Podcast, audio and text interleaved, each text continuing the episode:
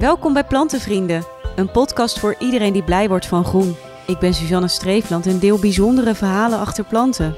Aflevering 27 met plantenvriend Eefje Peddemors. Jij bent een echte tuinder. Nou ja, een echte tuinder. Ik ben eigenlijk een hobbyist, maar wel die er eh, eigenlijk dagelijks mee bezig is. En hoe is dat zo gekomen? Nou, het is eigenlijk, mijn moeder was ook altijd wel bezig met, met tuinieren. Maar toen had ik er niet heel erg eh, interesse voor. Mijn moeder probeerde het altijd wel. Van, oh, moet je dit zien of dat zien? En dacht ik, oh ja, leuk.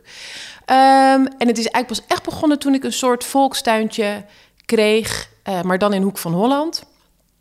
Eh, en daar ben ik eigenlijk gewoon van alles gaan uitproberen. En toen kreeg ik er heel veel lol in. En toen kon ik ook nog aan het werk bij Creatief Beheer. En die maken ehm, buurtuinen op, eh, op braakliggende terreinen. En daar heb ik heel veel geleerd. En, eh, maar eigenlijk vooral, eh, doe maar gewoon. Dus het is eigenlijk helemaal niet ingewikkeld. Het is, nee, ik vind het helemaal niet ingewikkeld. Nee, je kunt het heel ingewikkeld maken. maar in principe, heel veel mensen zijn bang voor als ik dan eh, geen tegels in mijn tuin doe, dan heb ik meteen heel veel onderhoud. Dat is echt onzin. Ja, en bij dat creatief beheer daar kwam je ook in aanraking met een tuinclub. Nou, dat klopt. Nou, die heb ik eigenlijk zelf opgericht. Eh, het idee van die buurtuinen was om ook de wijk er zoveel mogelijk eh, bij te betrekken. En er zat daar in de buurt een verzorgingshuis van Humanitas. En toen ben ik daar gewoon eens binnengelopen en heb ik met de directrice gesproken. En toen zijn we een tuinclub begonnen met een groepje eh, oudere mensen. Dus eh, elke week gingen wij daar eh, iedereen ophalen met heel veel vrijwilligers die al daar actief waren in dat verzorgingshuis. En dan gingen we in een soort karavaan, liepen we naar het tuintje toe. En dan deden we een tuinactiviteit. En eh, dan moet je niet denken aan eh, schoffelen. Of er waren heel veel mensen die ook in rolstoel gebonden waren. Of die niks meer zagen. Of... Dus het was altijd wel een beetje creatief zijn in wat, wat kun je dan nog doen wat wel met de tuin te maken heeft. Maar eigenlijk kom je, daar kun je dan best wel veel bedenken. Het is natuurlijk sowieso de tuin ervaren en je zintuigen gebruiken. Dus ruiken, voelen. Ehm, maar het leukste was eigenlijk om eh, iets op te kweken. En ehm, nou, veel oude mensen die stoken de verwarming lekker hoog, want die hebben het altijd koud. Dus die, hadden dan, eh, die kregen dan iets mee voor in de vensterbank. En ehm, die zagen dat dan groeien. En ehm, wij gebruikten dan. eh, mijn favoriete plant is eigenlijk de Oost-Indische kers. En die is ook heel makkelijk, want die heeft hele grote zaden. Dus eh, zeker als je wat ouder bent, dan is je fijne motoriek niet meer zo sterk. Dus dat glipt wat minder snel door de vingers door dan kleine zaadjes.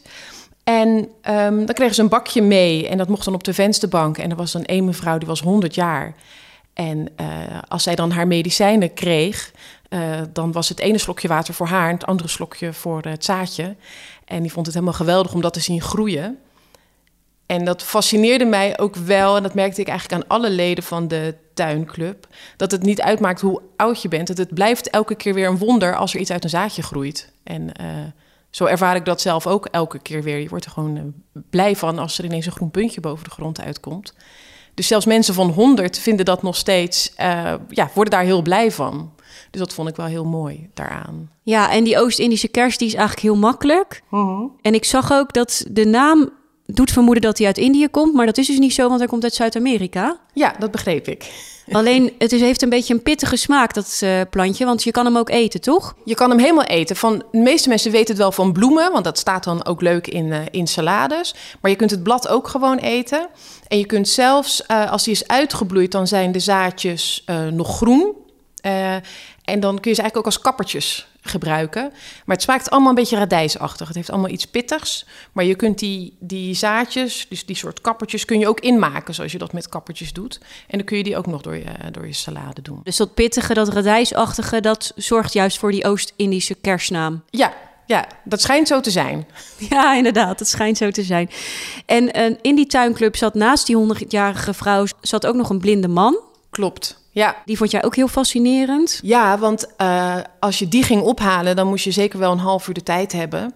Want die had fotoboeken vol eh, met foto's van zijn volkstuin. Die had altijd een volkstuin gehad. Op een gegeven moment heeft hij dat moeten opgeven. Ehm, destijds zat zijn vrouw ook in dat verzorgingshuis, maar die zat op de verpleegafdeling. Die was zwaar dementerend.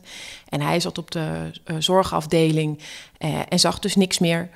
Ehm, maar hij heeft, dan zat hij op de bank en dan zei hij altijd... moet je even in dat kastje kijken en dan in dat laadje... en daar vind je dat boek. En dan wist hij ook precies welke foto's daarin zaten. En hij kon daar met zoveel plezier en trots over vertellen. Alles wat hij daar deed. En dat met rondleidingen, dat iedereen toch wel bij zijn tuin kwam kijken. Want dat was wel heel mooi. En hij had ook heel veel praktische tips. Deed dan elk jaar de, de herfstbladeren inkuilen. En uh, volgens mij haalde hij ook elk jaar alle, alle tulpenbollen eruit. Want dat hoeft helemaal niet. Maar dan kon hij ze het jaar erop precies zo neerzetten zoals hij ze wilde. En hij was eigenlijk altijd mee bezig. En, um, en hem namen we dan... Op een gegeven moment hadden we een, uh, een duo scootmobiel geregeld. Dat kon je, kan je naast elkaar zitten. Dus je hebt dan gewoon, gewoon een scootmobiel, maar je kan ook een soort... Uh, zijspanachtig idee. Dus dan kon, uh, kon die meneer die kon dan naast mij en dan uh, we naar de tuin en dan uh, kon hij er ook bij zijn. En we hebben hem toen ook een keer meegenomen naar een tuincentrum ehm, om eens aan alle kruiden weer te ruiken. En, want dat roept ook altijd heel veel herinneringen op. Dus toen kwamen er nog meer verhalen.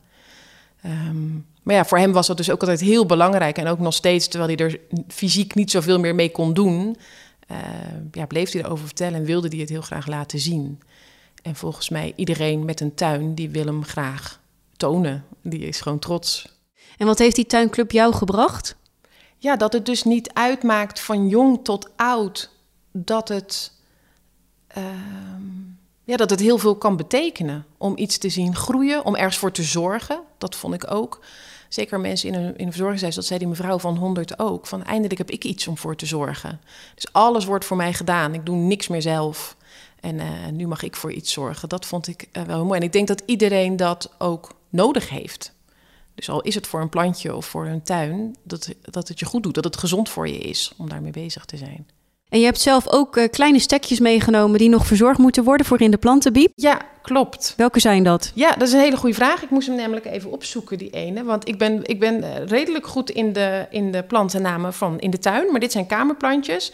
Dit is volgens mij de String of Pearls of de String of Tears. Dus dat is een hangplantje. Dus dat zijn van die uh, strengen met, uh, ja, met eigenlijk groene traantjes eraan. Die heb ik gestekt. Die kan je heel makkelijk stekken. Die knip je af, zet je in water en dan groeien er wortels aan. En deze, uh, ze noemen hem ook wel de koraalplant. En als je dat ziet, dan snap je ook wel waarom. De echte naam is de crassula. Maar ik vind altijd de Nederlandse namen makkelijker te onthouden, omdat die vaak heel logisch zijn. Dus ik zeg gewoon koraalplant. Vetplant koraal. Nou, leuk, dankjewel. En waar hoop je dan dat die uh, komen te staan? Um, ik denk bij mensen die al hun geloof zijn verloren in, uh, in hun uh, mogelijkheid om voor planten te zorgen. Want nou ja, deze, die, die koraal, nou, die is gewoon niet dood te krijgen eigenlijk. En ja, die, die String of Tears is volgens mij ook heel sterk. Um, en misschien dan wel dat als iemand dan ziet dat het lukt om hem te laten groeien, dat hij zelfs nog misschien wel het aandurft om zelf daar weer een stekje van te nemen. De plantenbieps die zijn te vinden op plantenvrienden.nl en op Instagram deel ik de updates van alle stekjes die mijn gasten weggeven in deze podcast. Heb je zelf een verhaal te delen? Dan kan je dat mailen naar podcast.plantenvrienden.nl. Leuk dat je luisterde en tot de volgende aflevering.